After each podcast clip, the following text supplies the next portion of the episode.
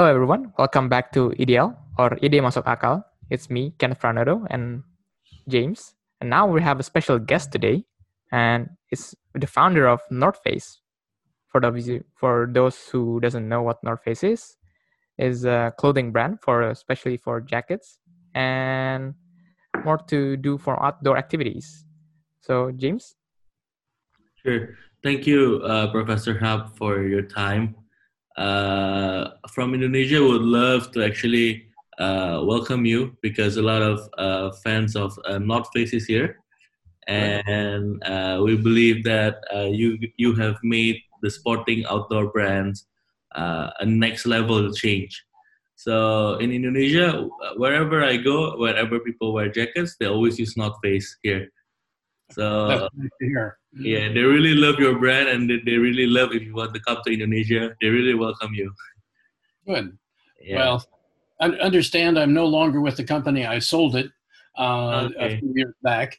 Uh, I still uh, talk with them periodically and give uh, speeches to them, uh, but uh, they they don't have to account for me any longer. okay, but your brand stays forever, and what you have done. Hopefully, that's what we tried to do. Perfect, perfect. Maybe we'll we'll have uh, a little bit uh, chat of like uh, what's your experience in building the brand and uh, what what challenges you face and the experience that you have, uh, Mr. Hap. So uh, maybe I'll come with the first question. Uh, can you tell me uh, the story, the first story of how you built North Face uh, in the beginning? in the north of the United States. and when I grew up there, what you did was basically spend a lot of time in the out of doors. And so I always had a love and affinity for the out of doors. So uh, as I was growing up, that's what I did. That was what my activities were. And I went to Stanford University. I was an undergraduate there. And while that happened, my father died, and I ended up running a family company in Spokane and going to school at the same time and trying to drink beer with my friends. And I was better at drinking beer with my friends than the other aspects. But uh, I did that for a year. And while that happened, I graduated from Stanford and I, I decided that we had to sell the company because we were not big enough to be competitive. So for the next year, I was in the Stanford MBA program by this time. And for the next year, I had four jobs. One was basically running the company, another one was selling the company, another one was getting my MBA at Stanford, and then the fourth one was drinking beer. And again, I was good at one of those. So I sold the company uh, between my first and second years of my MBA program. And after I graduated from that, I then was looking for an opportunity to run something. And I was thinking that probably somebody would offer me the chance to run their company. Here, I'd already run a company. Uh, I had a Stanford MBA, and uh, you know somebody was going to see the genius in that. And and the reality is they didn't. And uh, I I also had the problem is when I looked at it is a lot of the things that was being done in business at that time I disagreed with. Uh, the first one is I did did not believe in planned obsolescence. I believed in sustainability and I didn't believe that you should uh, pay women less than men. I didn't believe that you should uh, marginalize people. I didn't believe anybody who was the best employee was a, the person I felt you should hire. I believed in making the best product at whatever price. I believe the consumer is looking for value, not price. And so, with all those things in my mind, I interviewed with a number of companies in the consumer goods business, including uh, Procter and Gamble, General Mills, and whatever, because I thought that I had a, a skill in consumer goods. So I interviewed. Frankly, what I found was uh, I didn't fit there. Uh, I had a number of interviews that told me that, and and I decided that if I couldn't work for other people because I had different ideas and didn't like them. And then what I needed to do was start a company of my own. And since one of the things I knew something about was the outdoors, that's what I focused on. And so I, I graduated. I worked for about six months developing a business plan, doing some consulting around the outdoor business, and uh, developed a plan to be able to launch a company that was going to make products for the camping business at that time, initially looking at tents, sleeping bags, packs, and some clothing. And my whole idea, which is the same idea that I propagate now, is to be disruptive. That's how you stand out. And of course, being a user of product, I believed that you a really good product was needed by the marketplace. So then the challenge was if we were going to develop something, we had no product yet. Uh, we were going to make a product that was more expensive than something on the market, and we were going to make a product that was going to disrupt the existing channel. You know, how, how do you how do you build that?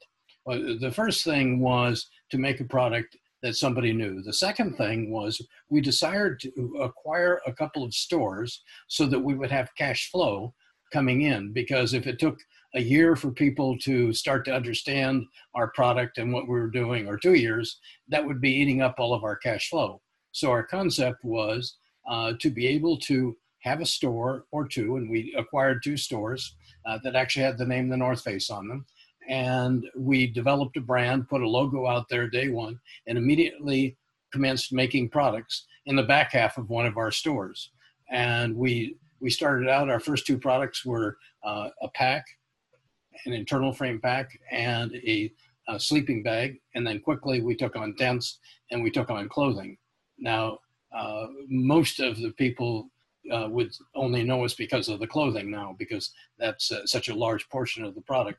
But okay. initially, it was, it was all based on the concept of disrupting the camping market by taking exotic materials that were lightweight and converting camping products. So we took aircraft aluminum and we made tent poles and pack frames. We took parachute cloth and we made sleeping bags and tent tops and some funky clothing. And in doing that, we lightened the load that people carried by about 50%. And suddenly people went into the wilderness miles as opposed to a few hundred feet. And a whole new industry called backpacking was developed. And then over time, we kept disrupting in terms of not only uh, product but our business model. Uh, we would, whenever a new material came in, we would do that. We would disrupt. We were omni-channel from day one, which was heresy at the time we started. That means we were selling through our own stores. We were selling wholesale, selling through a catalog. Uh, we had employees in the company. Everybody owned a portion of the company itself. So really novel ideas. And then we set about one more thing, which was I believe that developing a brand was how you were going to build a long term company. And a brand is not just a logo, a brand is not a name, a brand is not a tagline. A brand is what your DNA is. And so we distilled it down to three words that affected everything we did. And then for the entire time, from when we started to today, those three words still influence every single activity that we have. The words were quality, disruption, triple bottom line. Triple bottom line means an equal commitment to profits, to the planet, and to people, or said in another way, to profits, uh, to, to the environment, and to society. Uh, very interesting. Uh, Mr. Hap, can you tell me what's the meaning of North Face itself from the name? It is the north face of the Eiger Mountain. The Eiger Mountain is located in Switzerland. And we chose that name, it, was chosen by somebody else, but uh, we chose it because it means something to climbers who are the original influencers that we used. The north face of the Eiger Mountain is a very risky place to climb. In the northern hemisphere, the northern side is always the riskiest because the most ice uh, collects on that side, and so it can be dangerous from hypothermia or from slipping or whatever. And so we chose that name because it worked with the people who were the influencers in the market, but it also worked with the common person, easily known, easily remembered, easily understood. Okay. So in that in that time while building the North Face, uh, what do you see the market as, and uh, what do you feel uh, about the market at that time? At, at, the time, we were looking at real dedicated people who were either uh, outdoors people or people that are going to the uh, climb or backcountry or whatever. Uh, and they were looking for a product that really worked. And so we made the best product that was in the most extreme conditions. It would hold up, it would last forever, but it would protect them against the conditions. And it was a very narrow market of but influential market. We believed that it was going to influence the rest of the market here. Uh, we we believed when we started the company that what was actually played out later on is that the concept of athletics, of working out, of being fit, of being in the wilderness became a norm that determined a lot of the remainder of society. And so if you look at it, other things that have come about since then, things like yoga, workout gyms, biking, mountaineering, all of those things were kind of very small or niche and not appealing. And we felt that that was a lifestyle that was going to permeate. And when you have a lifestyle, you then can sell a lot of products, including clothing, uh, to those uh, those customers. Oh, did you do? Uh, did you experience that problem yourself, or what makes you jump into that uh, very specific niche market? Well, a couple of things. One is because when I was growing up, I used products like that. I knew that it was a, a good good way of living your life. I, I knew that you felt really great when you were outdoors, when you were fit, when you were uh, you know when you're exercising, when you're when you're testing yourself, and sometimes in risky situations. All of those things were really energizing. And uh, I, you know, I came across a quote from a uh, a philosopher genius here, uh, Thoreau, who said that in the wilderness is the preservation of the earth. And we hung on to that concept uh, because what we believed was at the time we started the company, the situation in the United States was really quite bad. We were in the midst of the Vietnam War. People were protesting against that.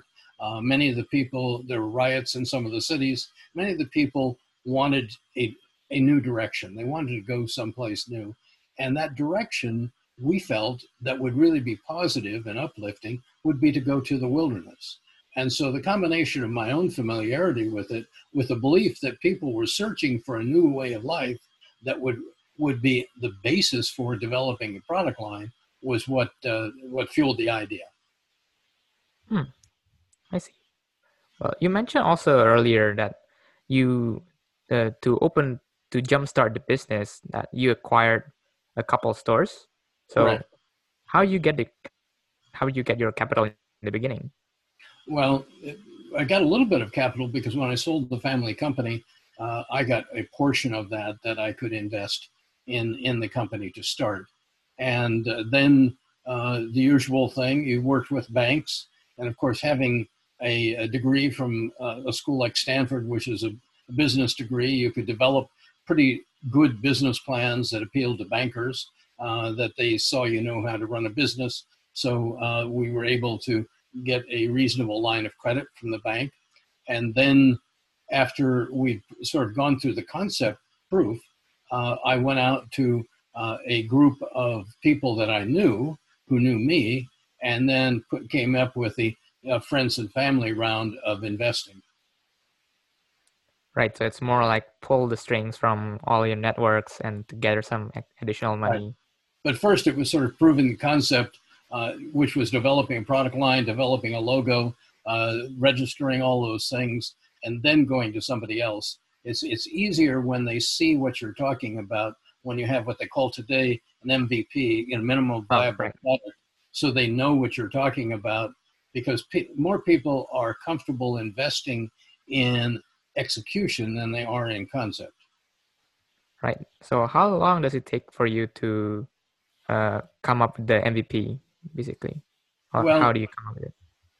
In terms of the concept, it was six months while I was developing the business plan of what we were doing. But that, in fact, didn't develop the actual products. Uh, that developed the concept of what we were doing. Then, uh, the moment that we launched the company, we went into designing. We went out, we found a designer, an independent designer, Stuart Ruth, who had made a backpack.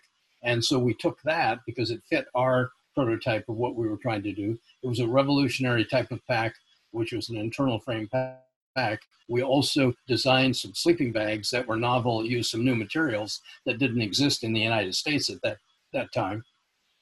And that took us probably another three months while we were developing it. But as I said, we had the stores that provided us the cash flow to be able to, to go ahead and develop some of these products. If we were just producing the, the products we produce and then waiting for the customers come in, it would have been three months to develop it, another six months to sell it, and eight months before any cash came in. That's not a good formula for the start of a business if you're doing it more on a shoestring. Oh, right. Yeah. So you were so it's like you're selling all those uh like previous models while also keep improving it and then keep sending more product lines. That Mostly we were selling non-competitive products, although there were some day packs we sold in there. There was some climbing gear that we sold in there. Uh, there were some ski products which we sold in there, none of which we made at that time. Uh, we called them hard goods versus what we were making as soft goods. Uh, but our, our belief all along was we were going to sell in the categories where we made our products. That would be the only thing we sold, but we would round it out. We curate other products around it uh, that would complement what we were doing. Well, also, I'm pretty curious here. Uh, how long does it take for you to create your like very first one million dollar sales? Uh, it took us uh, three years the, the first year, the stores we took over were doing 300,000 in sales. And uh, that's what we got when we finished the year. The next year, which was kind of the first year we were doing things, uh, we went up to 600,000 in sales.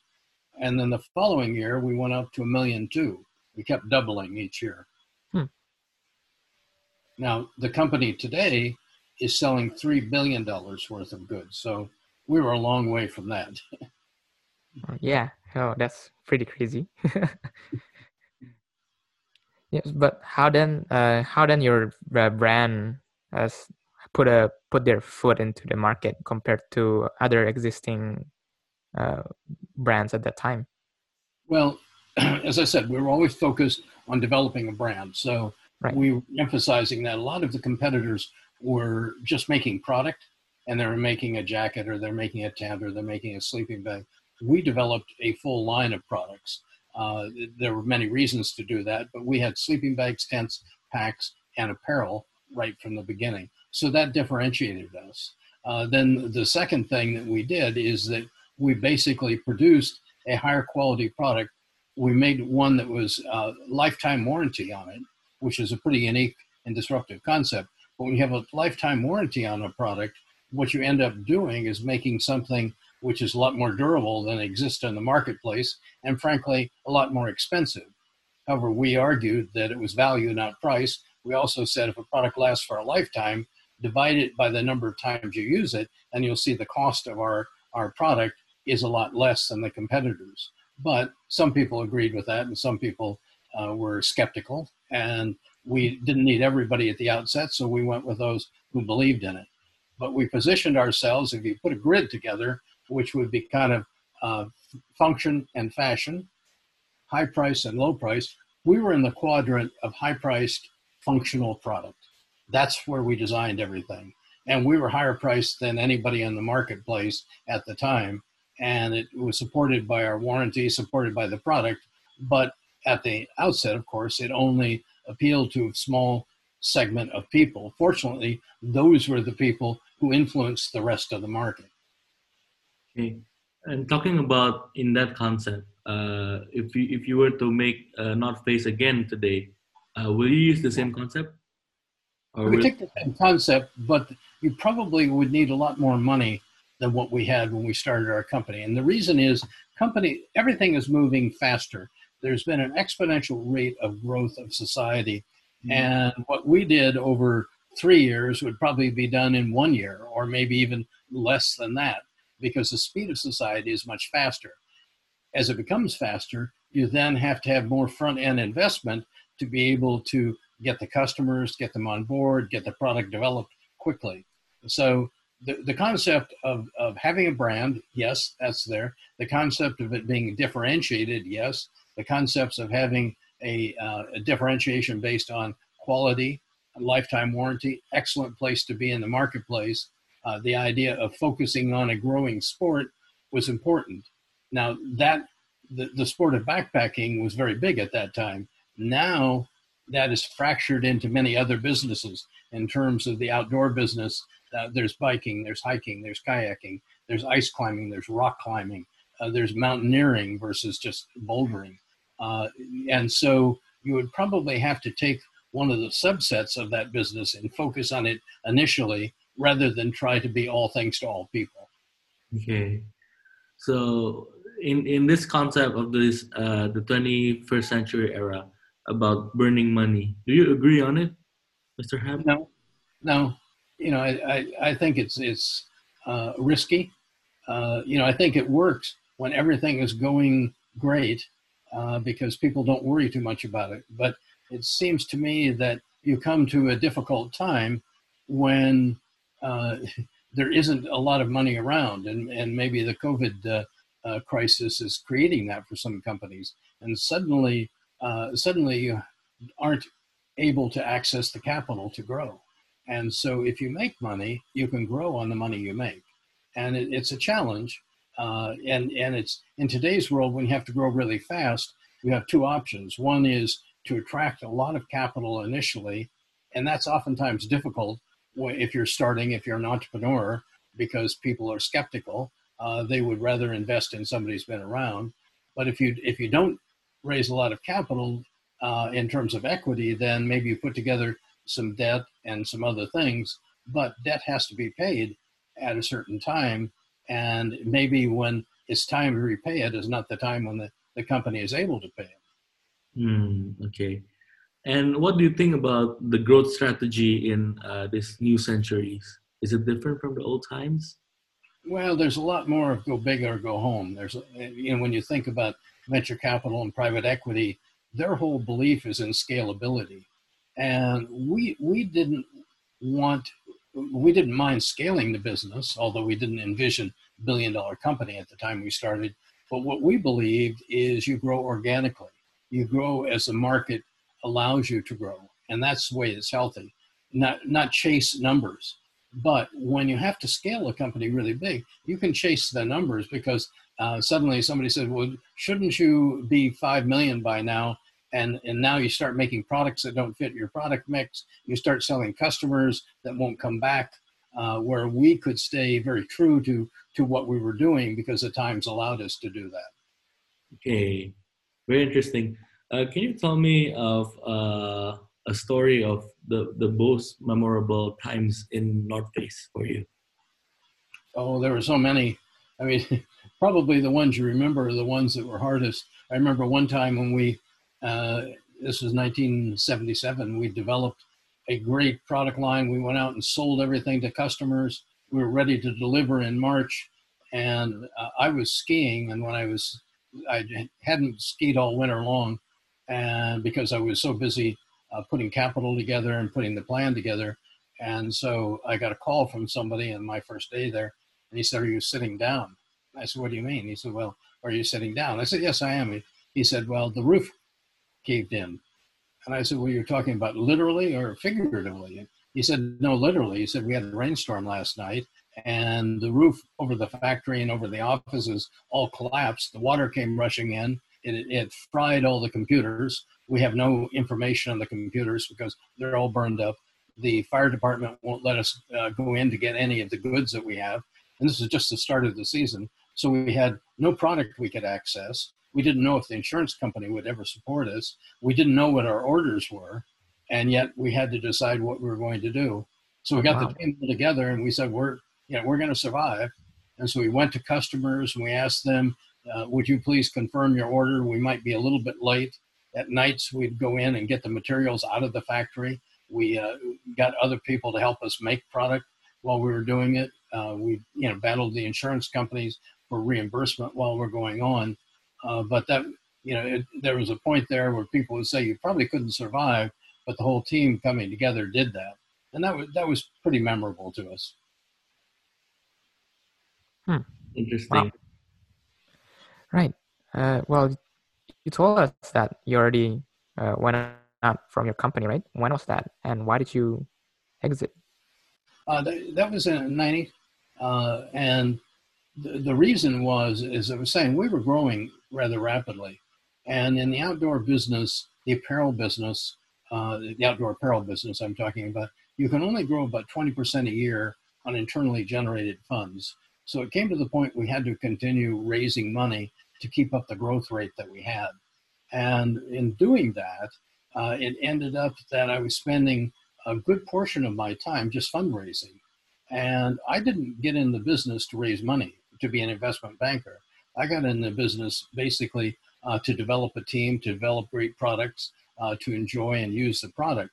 And it turned out that because of what we created, I suddenly was uh, nothing other than a banker because raising money uh, usually takes about six months of the year. And so I was spending half of the year doing things I really didn't like. And so one of my friends on the board said, you know, you said when it wasn't fun any longer, maybe you get out. And uh, I said, yeah, you're probably right. And so I got out, went skiing, and uh, did some of the things I like. Right. So now, yeah, you mentioned about skiing, right? Yeah. So nowadays, what do you do to lose to loosen yourselves on during these tense days? Well, I, I still keep pretty busy. I, you know, I'm involved in a variety of things. Uh, some in the outdoors, some not. I've I've got children now. I have three grandchildren, and uh, the oldest grandchild goes to Stanford University and plays soccer there. So we follow that. His brother is in high school and plays lacrosse, and we follow that. And, and the other boy is is 10 years old, and so we visit him in Austin, Texas.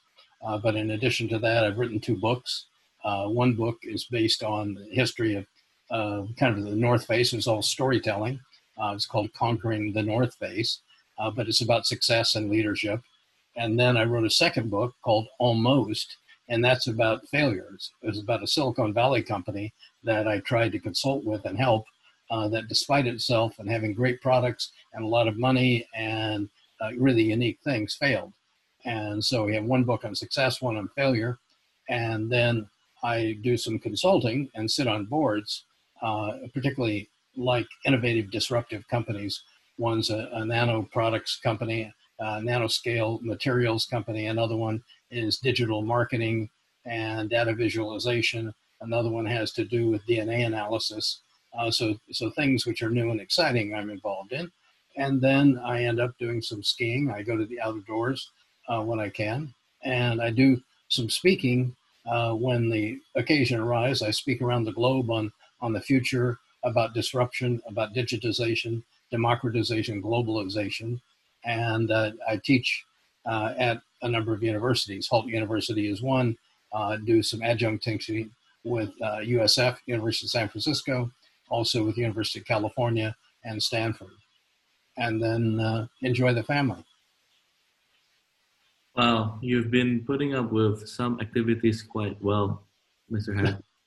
well, quite well may not be the answer, but there's a lot of activities.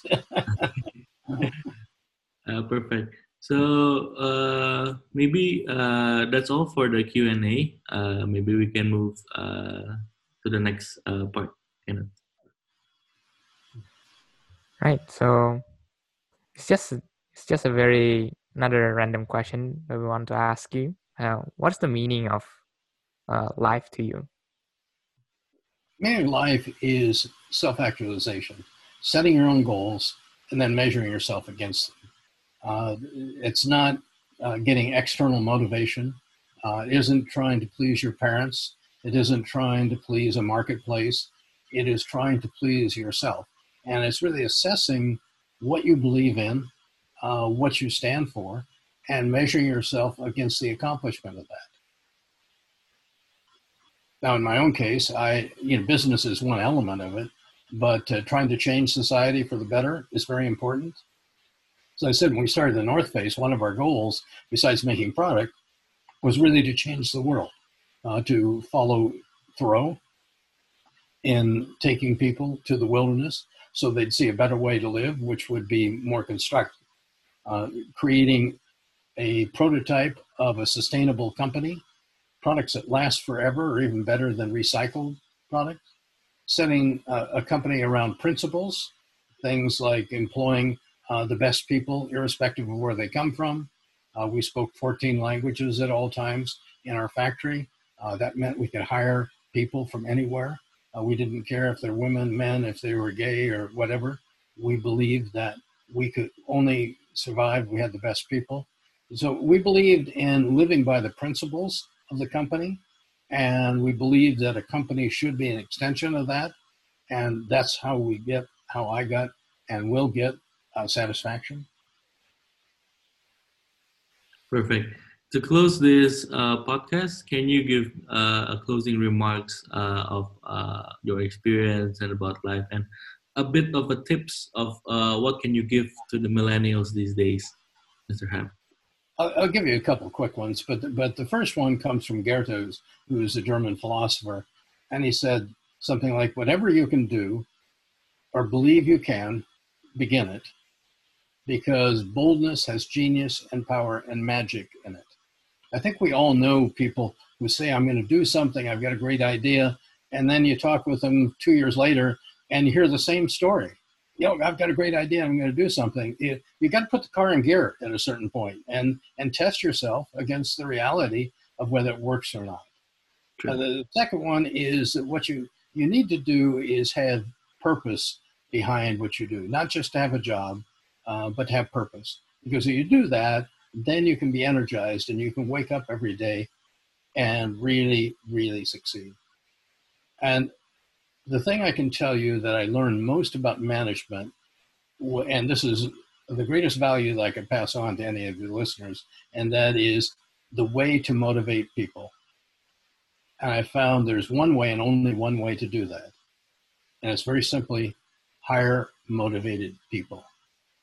There's no pay scheme. There's no patting on the back. There's no uh, no eloquence that you can have that keeps people motivated all the time. But if you can find people who are passionate, who are motivated, who care, and then surround yourself with them and just basically get out of their way once you've done that, tell, don't tell them how to do a job. Tell them what the goal is and let them figure out how to do it. If you accomplish all of those things, you're going to motivate your people in a grand way. So motivation is the key. Yes. Okay. Thank you, Professor Hap, for your time uh, in speaking with this uh, ideal podcast. Uh, I would like to pass on uh, to Kenneth. Thank you. So that's all for now. Thank you so much again for coming and talking about your experience. And we would like to hear more about it, and we get, we're going to update our podcasts every week. So we're going to invite various people from various experiences and for them to talk about their experience and their life stories. And yeah, stay tuned. That's great. Thank you, Kenneth. Appreciate it. Thank you so much, uh, Professor Hap. You have a good night. I will. You too. Thank you. Take care. Thank you. Right, take care. Thank you for being our faithful listeners. Uh, we do actually have another project, which is the Moxie project you know where we believe that education and vocational education is the way to support and to build the younger generations, uh, especially in the millennial and the, and the Gen Z eras. Uh, we believe that we have uh, a calling for Indonesia as one of our chosen countries uh, to build uh, this education system, especially in vocational education, to build lives and to improve uh, a better Indonesia. So if you guys are interested, you can go into our Instagram page and type in ide masuk akal and the link is in the bio. Or you can go directly to anchor.fm on your browser and then look for ideal. And from there, they're gonna show you our podcast series and the support button from there. Thank you so much for listening.